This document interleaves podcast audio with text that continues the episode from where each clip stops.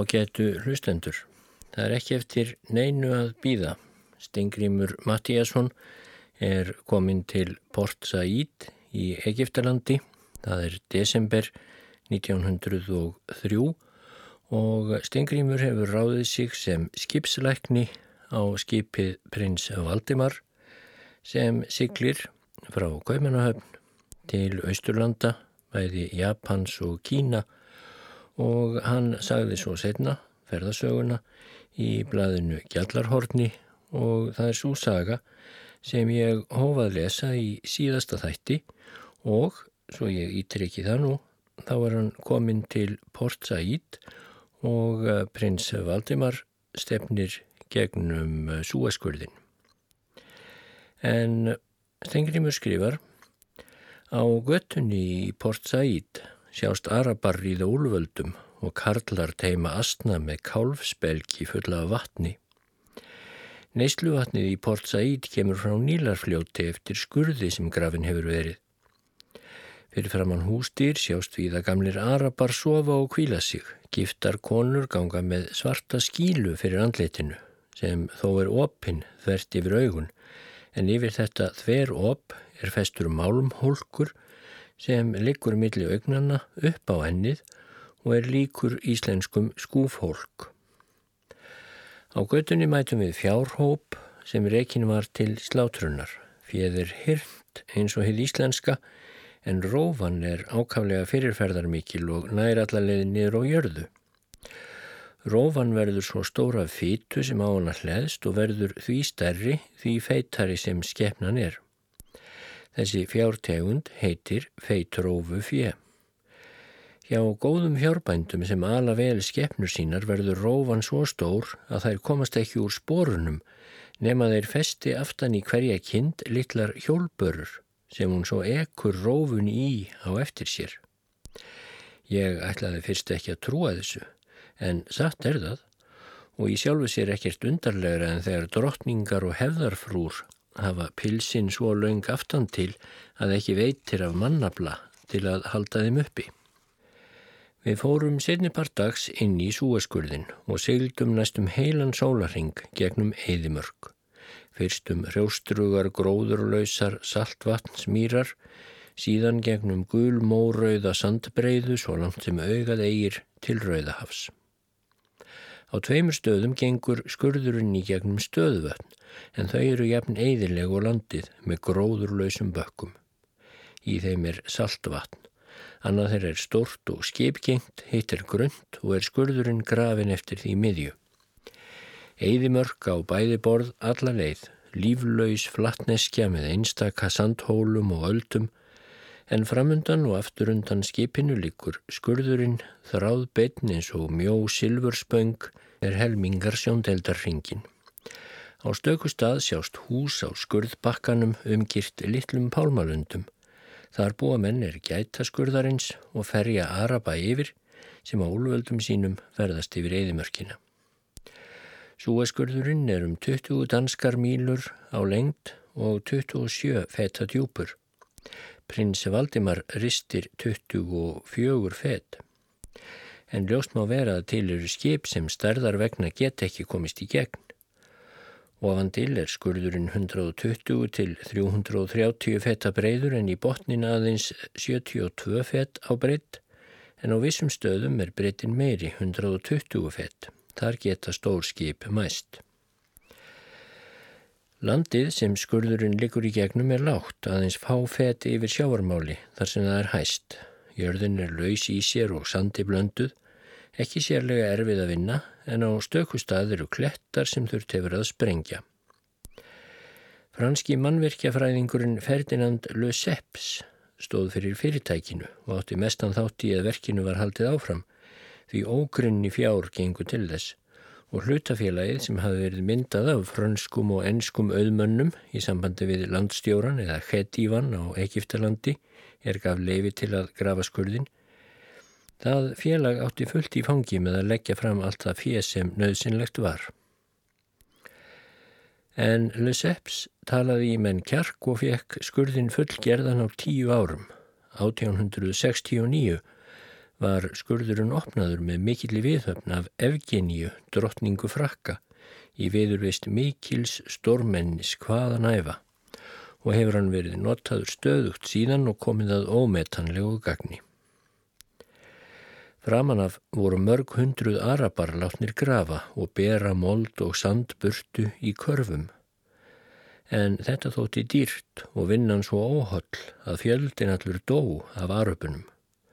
Þá voru fengnar graftarvélar sem með gufukrafti skobluðu upp í jörðinni nótt og dag og með þeim gekk allt miklu fljótara.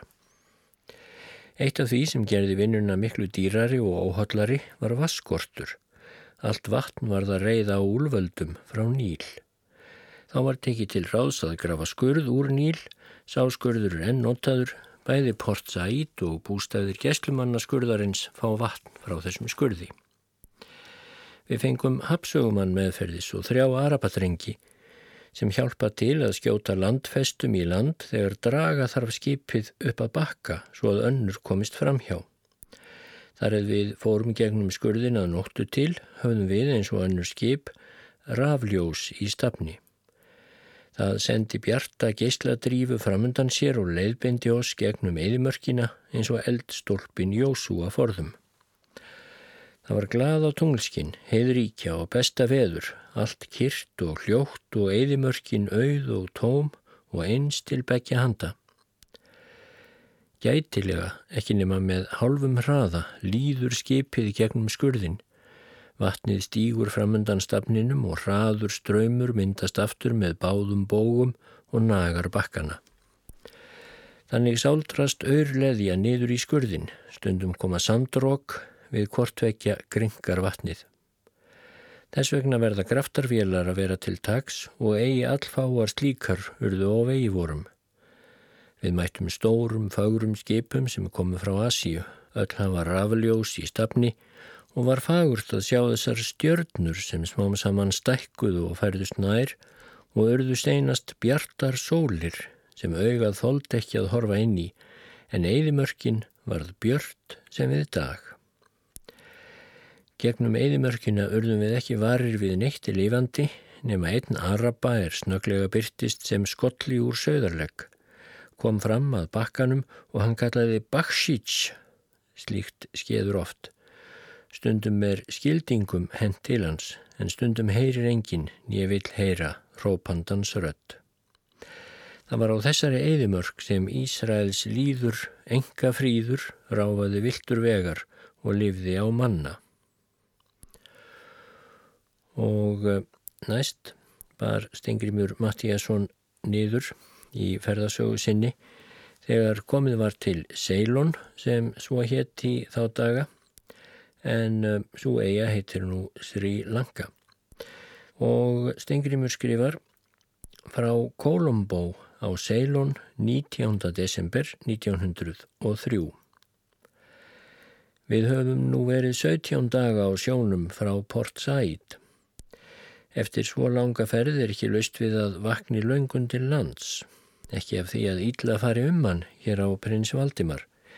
Því daglega liggja þeir sem lítið hafa að starfa og meðal þeirra má nefna læknirinn uppi á þilfari í hægindastólum undir sóltjaldinu og eigða mestum hluta dagsins við að lesa.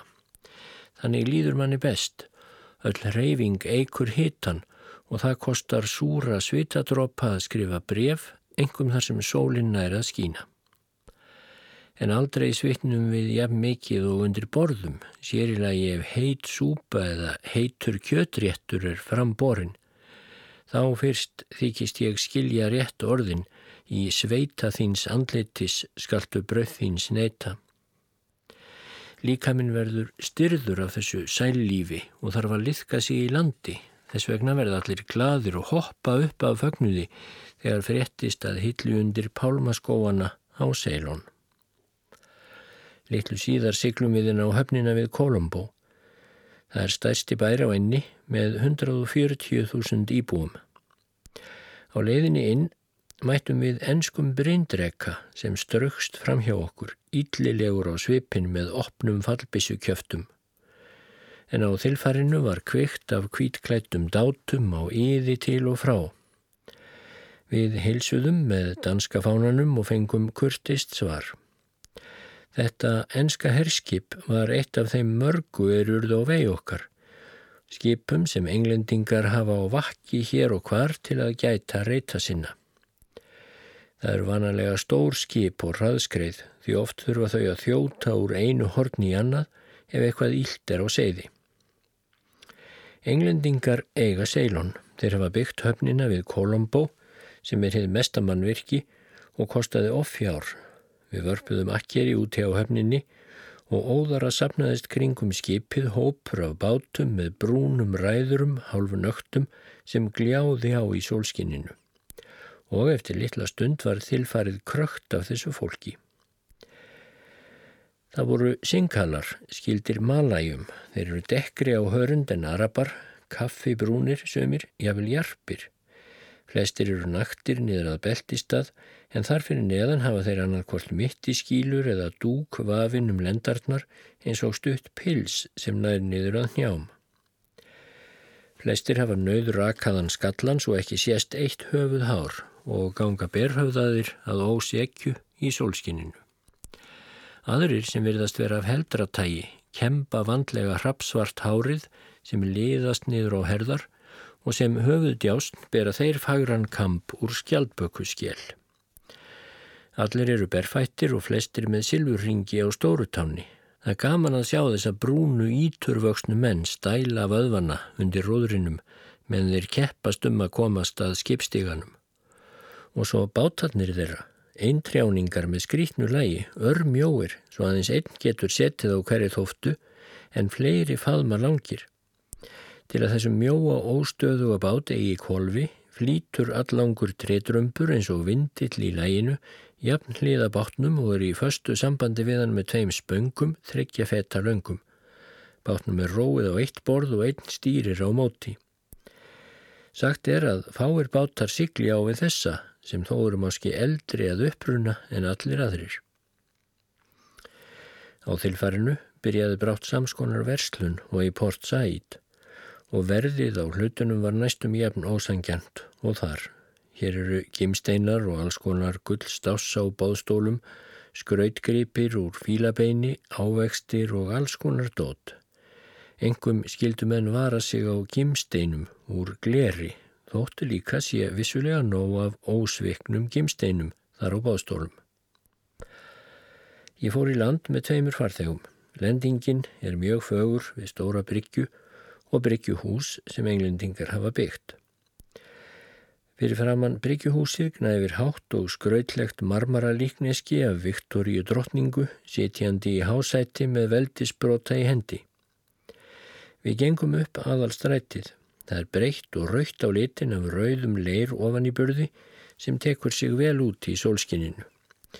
Til begja handa er laung rauð af háum margliftum húsum skrautlega byggðum. Þar búa englendingar. Ekki höfðum við lengi gengið þegar hópur af riksjókúljum söpnuðust um okkur. Riksjó er tvíhjólaður vagn sem einn maður getur setið í. Kúli þýðir hins vegar erfiðismadur og í þessu tilfelli ökumadur sem sjálfur dregur vagnin. Við tókum hver þann kúli sem okkur virtist fráastur og fætti og settum svo í hver í sinn vagn og sömdum við á um fargjaldið um eina krónu á tíman og báðum þá að akka okkur um bæin. Nú hlöpu þeir eins og fætur tóguð og drógu vagnin á eftir sér eins og hjólpurur og lengi dáðumst við að því hver úthaldsgóðir þeir voru í brennandi sólarhittanum en meðalhitti ársins í Kolumbo er 27 gráður á Celsius. Sér í lagi dáðumst við aðeim fyrir það að geta hlaupið þar um svo naktir sem þeir voru. Lítir léreftsmitt í skíla er eina spjörin sem þeir eru í fyrir utan silfurringin á stórutáni. Egi líður á löngu áðurinn svitin rennur í ótal lækjum eftir brúnu skinninu og skílan verður gegn drepa en þeir kipa sér eigi upp við það en hlaupa jæmt og þétt nema upp í móti þá hæjaður ögna á sér. Við ókum í ótal krókum um mjóar göttur þar sem engungu búa sinkalar. Allur bærin virðist vera einn pálma skóur og allstaðar ángar indæl blómstur ilmur af vapningsjörtum með allavega litum fagrum blómum. En einn á milli trjána og í ótalur rjóðurum er húsum hrúað saman og allstaðar er fólkið. Á daginn hefsta við út undir berum himni og í skugga pálmanna en notar húsin sem skjól í rigningum og á nóttunni. Húsin eru lág og lítil öll með strá eða löfþaki og gísnum veggjum úr timbri með mörgum dýrum en glugga laus með öðrum orðum líkar í hjöllum en húsum. Þakið slútir fram og kastar skugga yfir stjettina framann við húsið. Þar situr heimilisfólkið á daginn, þar situr húsfæðurinn og stundar handverk sitt sem skósmiður, skrattari, guldsmiður, rakari og svo framvegis. Sumir versla með hitt og þetta og gleima aldrei að kalla á þá sem ganga framhjá og ég vil grátt bæna þá um að kaupa hjá sér. Konan situr hjá og rappar við mannsinn honum til skemmtunar og lítur við og við eftir yngsta króanum sem veldir sér í skarninu og nartar í bjúgaldin. Hinn er krakkarnir og þeir eru vanalega margir, hoppa, syngja og leika sér í kringum húsið, allir berstrýpaðir með silfurkeðju um lendarnar, ringi um öklana eða á tánum. Þessutan hafa þeir látúnsnapp stungin í gegnum hægri nössina. Napparnir eru sveipaður kraganöppum og settir í líkt og erðnarringir. Þeir eru með ímsu sniði til þess krakkarnir fari síður í óskil. Börnin eru flest aðdáanlega fríð og fallega vaksinn. Þau koma mót okkur í hópum, brosandi og gladleg og heilsa svo engjarlega með því að benda hendinni snögt upp á ennið. Sumir étta fram lofana, legg í lofa kals kals en sum bjóða blóm til kaups. Og jáfnvel þó þau fá ekki neitt þá koma samt blóminn fljúandi upp í vagnin en það er nóg á þeim. Yfir höfuð er mikill munur á þessum börnum og arababörnunum í Port Said. Þetta eru góð börn sem gríla myndi aldrei taka. Ungustúrkurnar, heimasætturnar, sitja á stjettinu og býða giftingar og þurfa vanalega ekki að býða lengi. Engar verða peiparmegar, flestar giftast 10 til 12 ára gamlar eða jafnvel yngri. Fólkið þroskast snemma en eldist líka fljótt í heitulöndunum. Konurnar hvaðu vera kveikular í ástum og algengt að slittni upp úr hjónabandi eftir sólaring eða svo. En fallegt er hvern fólkið í Kolumbó, engum það ógifta og dökk brúna húðin klæðir fólku vel. Það er ekki laust við að danskur rittöfundur kríti liðugt þegar hann segir að vinnukonurnar í Kolombo láti sér næja svundu að klæðnaði en hún sér endur ekki stærri en lofi manns en þó íkir hann ekkert allt of mikið. Allar vaksnar stúlkur ganga í pilsum sem eru opinn á hliðinni, mitt í skílu innanklæða og hafa léttan langan klút vafinn um brjóstið. Um hálsin hafa þeir perlubönd og beru handleikjunum armbönd og ringi hafa þeir á hinum og þessum líkamslutum þar sem því er hægt við að koma, jafnvel í miðsnesinu. Í eirunum hanga þungir eirnarhingir sem stundum hafa svo tókað úr eirnaflipanum að þeir hanga niður á axlir. Árið sem ættið er svart, likur löst eða vafið í hnút í nakanum. Á öllum göttum mætum við samskonar fólki. Kaupmaðurinn kallar á okkur og býður okkur að versla og lagleg dóttir hann sendir okkur hýrlegt bros. Það verður enn hýrara er við kissum á fingur til hennar um leiðu við hjótum framhjá. Kúlíjar okkar eiga stundum bátt með að komast áleiðis fyrir vögnum og mönnum. Við ókum fram hjá tjörn, þar var hálnakið kvennfólk að þó og ungir drengir alstrýpaðir hjálpuðu til en virtust reyndar fremur hisknir við vinnuna. Þeim þótti meira gaman að busla í vatninu og synda út um vatn. Allir voru syndir sem selir, svo kostuðum við koparskildingum út til þeirra. Allir strákarnir stungu sér á eftir og ekki leið og löngu aður en allir skildingarnir voru fundnir, þrátt fyrir gruggugt vatn og ójafnan botn. Sama lieku aðrir drengir út á höfninni þar sem dýpið var enn meira. Þetta læra allir ungir efnilegir synkallar og til mikils er að vinna því að víða kringum strendur Seilons má finna dýrmæta gimsteina á mararbotni. Við ókum svo spölkorn út fyrir borgina og komum að litlu bútamusteri.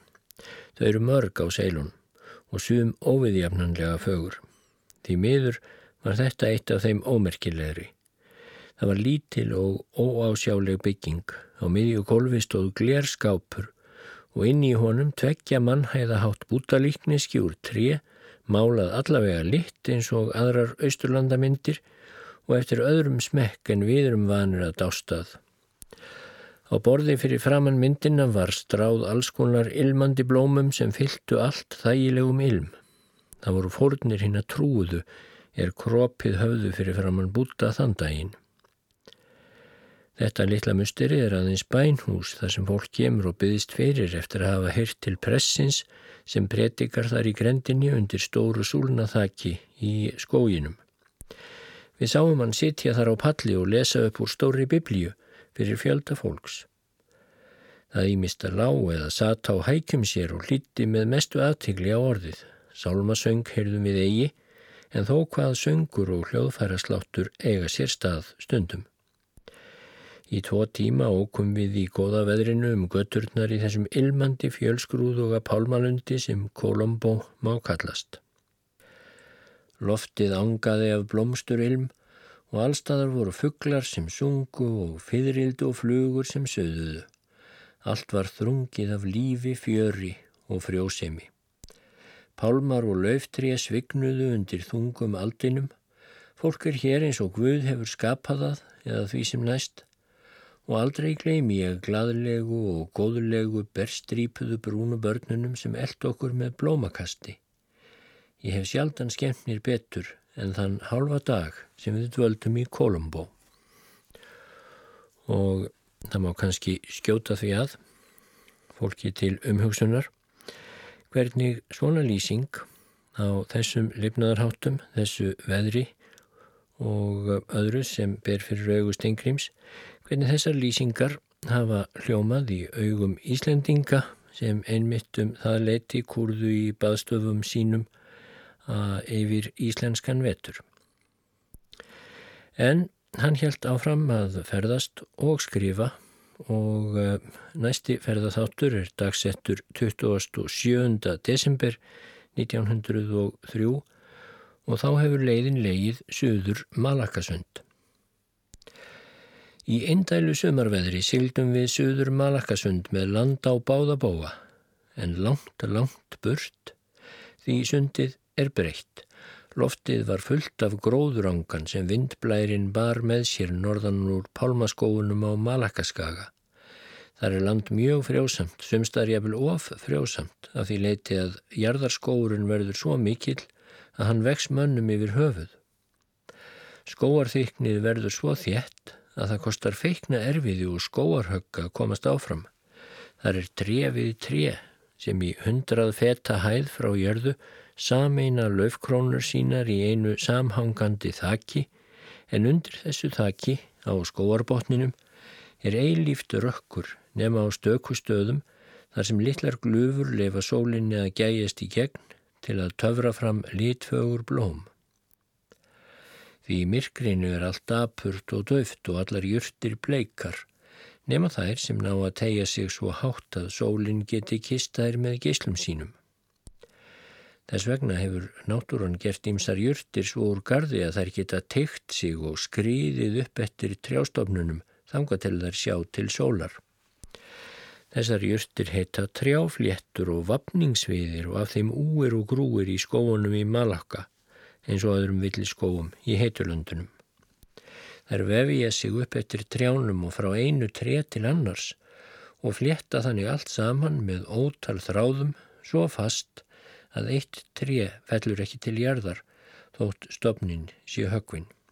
Þegar þarfið bætist að óteljandi fjöldi tígra og annara óargadýra á hér heimkynni á samt ótal eiturnöðrum og ílgresum þá er auðskilið hver örðugt er yfirferðar. En milliskóana er land ágætt og fjöllin eru fulla af málmum, engum tíni. Englendingar eiga söðurhlutaskagans og þykir bitinn feitur og seilast því lengra norður á bógin. En þar eru sjálfstæð smáríki sem þó hafa gengið undir vernd englendinga og hefur það sveipaða þýðingu og að leifa skotlanum að ná í lillafingurinn. Þegar Evrópumenn vilja svæla undir sig lönd villi þjóða, þá er aðferðin vanalega svo fyrst að senda trúbóða til að bóða kristni og friður sé við yður. Trúbóðarnir kenna nú villimönnunum að allt sem áður hafi verið þeim heilagt sé fjarrið því að svo sé og bel margt sé helvískt svo sem skurðgóða dyrkun og þess áttar. Og ef menn eigi trúi á föður, són og heilagan anda þá sé fjandin beinlýnis laus og takið á eftir döðan. Þessum bóðskap taka sömur villimenn ítla, skoða það sem góðgá og eigi ósjaldan vill til að einhver ör í geði og fullt eins sannfærður í sinni trú myrðir trúbóðan og þar með er tækifæri fengið fyrir stórveldið sem í hlut á.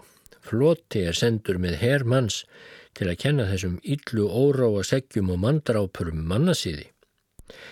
Fyrsti trúarlærdómurinn, svo síðalærdómurinn eins og í hverinu og eftir miklar blóðsúthellingar þá er björnin unnin en baráttan fyrir tilverunni heldur áfram og sá sterkari sigrar. Kvítiflokkurinn ekst og auðgast en hinum fækkar og sumir degja út af því þeir get ekki meld allt það ágæti sem Evrópamenn færa þeim og kalla einu nafni menningu eða kultúr og sívilisasjón en í því er meðal annars fólkið brennivín, púður, ópíum og ymsir sjúkdómar. Það er aðeins eitt þjóðflokkur sem öll þessi menning hefur ennþá lítið unnið á. Því sá er segur og mannmarkur, frjófgast og markfaldast og virðist ætlað uppfylla Asíu. Það er guliflokkurinn eða kynverjar. Á leiðinum Malakasund höldum við jólinn og kveikjum á jólatrénu sem við hafðum með okkur frá Kaupmannahöfn. En þrátt fyrir jólagraut, gæsasteik og góðan mat er erfitt að átta sig á því að það séu jól í fílikum sumar hitta 30 gráðum á Celsius. Hjá öllum vakna endurminningar um gleðilegu jólastundirnar í æsku sinni. Heima í foreldrahúsum maður minnist ættingja og vina og ætlandsins sem er nú næri 2000 danskar mílur burtu en verður oss kærara því meir sem það fjarlægist. Við syklum fram hjá Jahóri, einu af þessum sjálfstæðu smáríkjum sem ég gata um. Það ríkir Soldán sem á framúrskarandi fjölsgrúðugt kvennabúr, skilst mér, með fleiri hundruð eiginkonum því hann er Múhameðs trúar. Allt fólkið gengur þar alls nakið og kvennfólkið hefur ring í nefnbrjóskinu. Annan dag syklum við svo einn til Singapúr sem líkur á eigu við söðurotta Malakaskagans. Fögur er innsiklingin, holmar og eigjar á bæði borð, allstaðar þjettir pálmalundar, en lengra í burtu er landið með hálsum og hæðum og háum fjöllum í heiðisbláma lengst burtu. Í öllum hólmunum eru mannabygðir, reyndar ekki í hólmunum sjálfum heldur úti í sjónum því húsin eru byggð á stöyrum sem reknir eru niður í botnin skamt fyrir framann flæðarmálið en úr landi ganga bryggjur fram í húsin. Húsin eru líkust spilahúsum sem börn byggja, sum ekki annað en þakkið og sum eins og litlar keilur, öll á úr timbri og strá eða táafléttum. Svona byggja malajar og gera það til að forðast mýbit og árásir villitýra. Malajar eru svipaðir síngölum nema nokkuð dekri. Því miður sigldum við oflangt framhjá til að geta aðtúað nánar þessi einföldu hús. Á mót okkur komu þrýr ungir malajar á eintrjáningum sem þeir réru með tví bladaðri ár líkt og grænlendingar húðkeipum sínum. Við kostuðum til þeirra skildingum en um leið kostuðu þeir árinni og stungu sér á kaf og náðu öllum skildingunum áður en þeir náðu botni. Þeir eru aldáanlega sundfeimir og hvergi hrættir við að lenda í hreingiðunni sem skrúfan myndar aftur undan skipinu og eigi hryllir þeim við hákvörlunum sem vaða þó uppi í sjávarborðinu. Peningunum náðir ættíð og koma með þá í munninum. Á höfninni komu óðara prangarar um borð til að versla. Það á sér allstaðar stað hér eistra. Singapúr er stór bær, þar búa 200.000 manns og hér er miklu meira af Evrópamönnum en annar staðar í Asíu en það verslunin svo mikil að borgin hefur verið kölluð Lundúnir Asíu. Á einu ári er verslunarveldan hér meiri en í Danmörku allri. Hér sjást aðeins örfáir malajar þó landið beri þeirra nafn og þeir hafi upphaflega verið einu íbúarnir þar á staðnum en allstaðar eru kínverjar á bátunum, á bryggjunum, fyrir vögnunum eða riksjókerrunum sem eru hér jafn algeng aktíi og í Kolombo og göttunum úir og grúir af kýmverjum. Þegar húsum Evrópamanna sleppir tekur við bær með kynversku sniði þar sem kynverskir kaupmenn og handiðarnaðar menn búa í kös. Má því segja að í Singapúr sé maður í rauninni komin til Kína. Kínverjarnir hafa útrutt malæjum með dugnaði og ódýrari vinnu. Malæjar eru latir og þóllausir og hinnum langt að baki hvað vit og skilningsnertir þeim fækkar líka ár frá ári. Svo mikil brauð hafa verið að innflutningi kýmverja á þessar slóðir að fyrir nokkru fluttust eitt árið 230.000 kynverjar til söðurhluta Malakaskagans og ströymurinn heldur stöðugt áfram. Englendingar amast ekki við kynverjunum, þvert á móti þeir eru duglegir og englendingunum til margra hluta nýtsamlegir. Engum hafa kynverjarnir mikla þýðingu sem milligöngumenn eða miðlar í vestluninni. Á skrifstofum í Singapúr, og þær eru margar, þær eru kynverskir bókaldarar, gjaldkerar og skrifarar, gulir í framann en grindarlegir á sveipin með löngu fléttuna í nakkanum í tvín eftir í lérefstreyu og skálmavíðum silkibrókum, flestir ungir.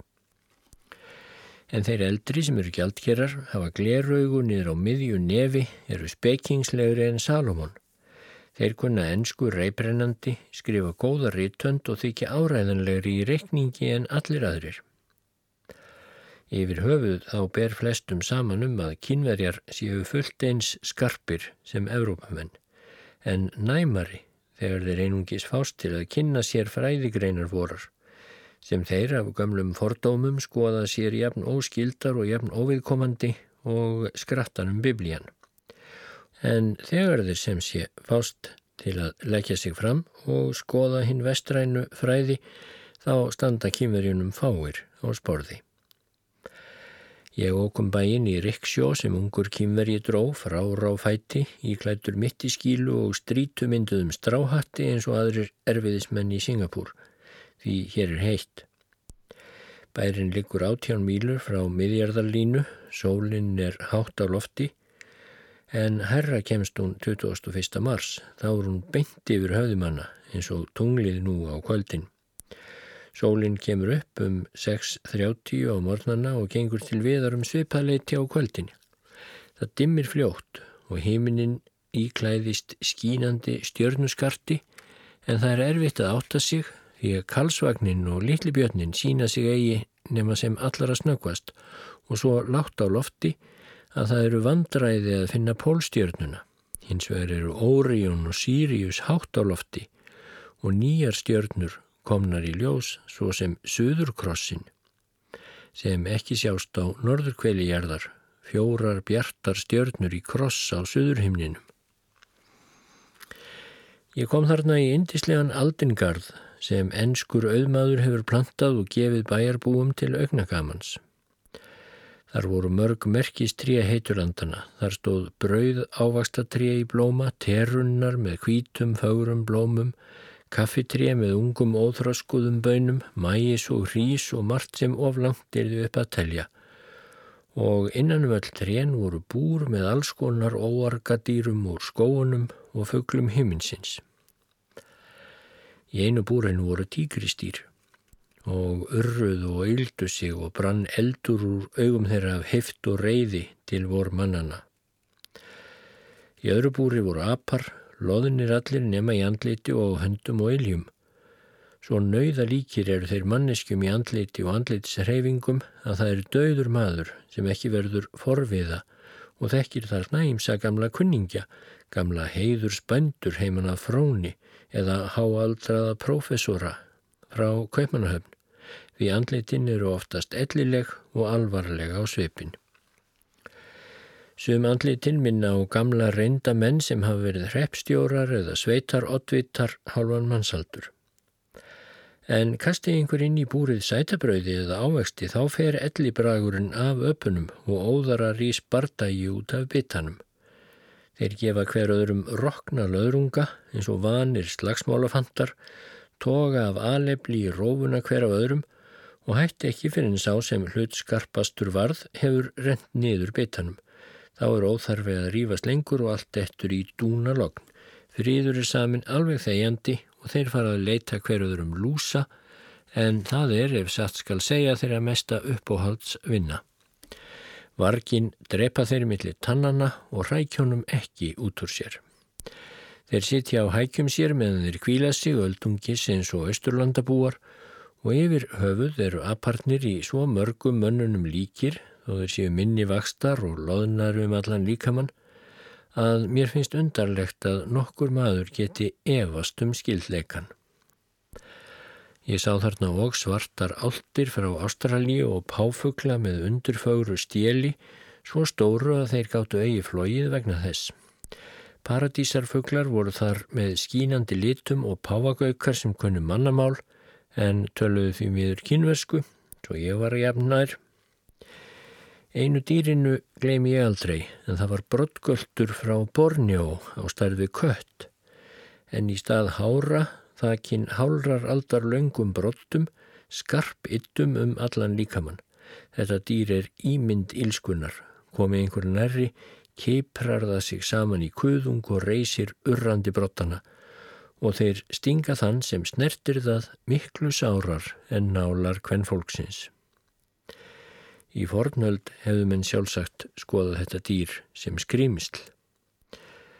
En úr aldringarðunum ók ég svo um göttur bæjarins, allt sem auganum ættir er kynverst. Á göttunum og í húsunum sitja, ganga, hlaupa og tala kynverjarnir, allir yðnir og ástundunar samir hver við sitt starf.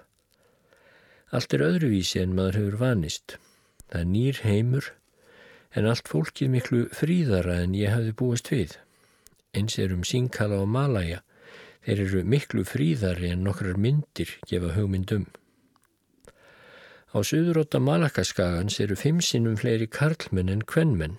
Þess vegna ber lítið á kvennþjóðinni í Singapúr. Ein og ein kynversk yngismær óg í Riksjó fram hjá mér en þær horðu í göfnissér og heldu á blævangjum sem byrjuðu fyrir andlit þeirra og fríðileika. Þær vita sem er að vegur hrýfur hugan meiri ef hjúpuð er, svo andan gruni en þá fleiri en augað sér. Í Singapúr eru 7-8.000 Evrópamenn, flest englendingar en allmikið þó af þjóðverjum. Yfir höfuð eru þjóðverjarordnir skæðir keppinautar englendinga sem verslunarmenn. Engum er það eitt sem hefur mest hjálpað þeim fram en það er að þeir leggja áherslu á að læra tungumál þeirra þjóða sem þeir versla við þar sem hins vegar englendingar hafa látið og láta enn aðrar þjóðir hafa fyrir því að læra ennsku. En með þessu móti geta þjóðverjar verslað og gert samninga milligöngu löst og það er eigi lítill hagnaður í því fólkin.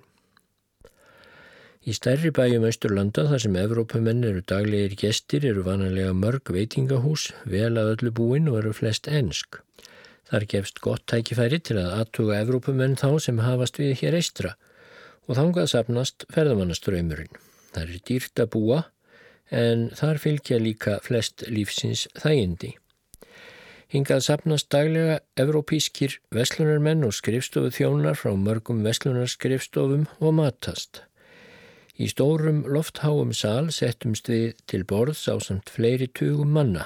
Þrátturir hittan svalast loftið þægilega af stórum blævangjum sem festir eru á ása niður úr loftinu og sveplast stöðugt í ring knúðir af ramagsfélum. Við hvert sæti stendur kínverskur þjótt, reyðubúnað þjónamanni við fyrstu bendingu. Hann réttir fram matseðilinn og við bendum honum á þá rétti sem við viljum borða, 8 til 10 réttir er á bóðstólum og getur maður gert annað hvort að geta þá alla eða úrval. Allt er ágæðlega tilreitt og engum eru ávegstyrnir sem á eftir koma eins og ábætir, engar ljúfengir. Kynverjarnir læðast þegjandi með hárfléttuna á hnakkanum eins og þjónustu samir andar og koma á svipstundu með allt sem um er beðið. Það kostar jafn mikið hvort sem neitt er allra réttana eða einstæra og er verðið mjög sangjant. Öll matfæli eru mjög ódýr hér eistra, svo vinnan er ódýr. Kynverjarnir eru margir og vilja allir lifa, þess vegna undirbjóða þeir hver annan. Eftir máltíðina setjumst við í skugga undir súlnaþaki framann við húsið og drekkum kaffi. Þar liggja enskir gentlemen og kvíla sig í hægindastólum, hugsandi og meldandi. Þeir horfa korki til hægrin í vinstri, mæla í orð og virðast yfir höfuð, skoða alheiminn sér óviðkomandi en renna augunum letilega til þeirra sem innkoma og gefa stöku sinum kínversku þjónunum bendingu en þeir skilja óðara og hlaupa tindilfættir af stað.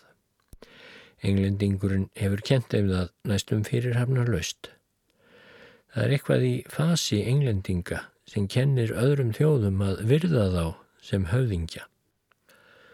Nokkrum dögum síðar, þann 7. janúar, þá er Stengrimur Mattíasson kominn á skipinu prins Valdimar allarleið til Hong Kong til áfangastadurins Kína og hann skrifar um það. Í þokkalegu veðri er prins Valdimar aðeins 5-6 daga á leiðinni frá Singapúr til Hong Kong en í þetta skipti tók það okkur tíu daga barning móti norðaustan stormi og strömi voru það íll umskipti eftir allt góðviðrið. Öldurnar leku sér með skipið eins og bát fleitu, svo ímist vóða salt uppi á háreistum kvítfreyðandi bylgjukömpum og hristist af vindhöggum skrúfublaðana eða kvarf nýður í djúpa dali millir öldufjallana, en ágjöfin gerði alla gegn drepa sem voru á þilfari. Þann sólarhing sem verst var miðað okkur aðeins 22 mílur áfram, svo vel ríðandi maður hefði getað fyllt okkur. Suður kínverska hafið er sjaldan kyrt og mjög ylliremt fyrir fellibilji eða tífóna sem koma við og við og eidilegja allt sem á vegið er að verður. Á þessum tíma árs blæs norðaustan staðvindur, kallaður monsún, sem getur verið skæður minni skipum. Við fréttum í Singapúra að þýst guðuskip hefði farist með öllu, nokkrum dögum áður en viðlögðum upp. Til þess að komast hjá þessum sterkamótbyr sem öllum er vís má leggja krók á leið sína og sigla í boga fram með Filipsæjaströndum í stað þess að fara beint eins og við. Leiðin er lengri en sterkur ströymur norður með landi flýtir ganginum og auk þess er stöðugt góðviðri. Flest minniskip velja þessa leiðin vegna þess að prins Valdimar ristir djúft þá þótti skipstjóra eigi ráðlegt að fara hana því víða eru grinningar og sker. Bæði ströymur og vindur bera kuldaða norðan. Neyðir þetta alla til að fara í vetrarföt þegar komið er nálat Hong Kong sem þó likur jafn sunnarlega og norður hluti Rauðahafsins. Skrítið hvað umbreytingin er snögg. Á einni nóttu getur kólnað svo að kulda hrollur grípur alla sem að sunnan koma. Er mörgum þá hægt við ofkælingu.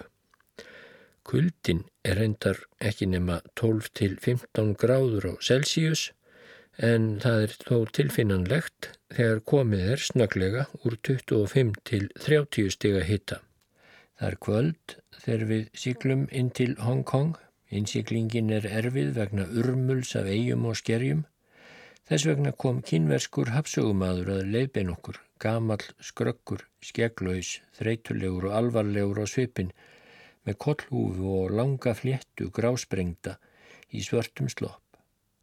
Gaman er að sigla inn í myrkri því þá blasa við óteljandi stjörnur, sumar eins og skærar sólir á söðurhimninum. Það eru ljósin á göttunum í Hong Kong. Bærin liggur utan í snarbröttum hlýðum 1900 feta fjalls sem gnæfir yfir höfninu og verana sunnan og austan blástri. Það fyrsta sem myndi á að við vorum að nálgast Kína var lík af tötrulega búnum kymverja með langa hárfléttu, tölvert frá landi, líklega fátækur fiskimaður sem út á djúpið dróð til að fæða fjölskyldu sína sem væntir hans nú með hlaðabla og hverri stundu. Við létum hann fljóta.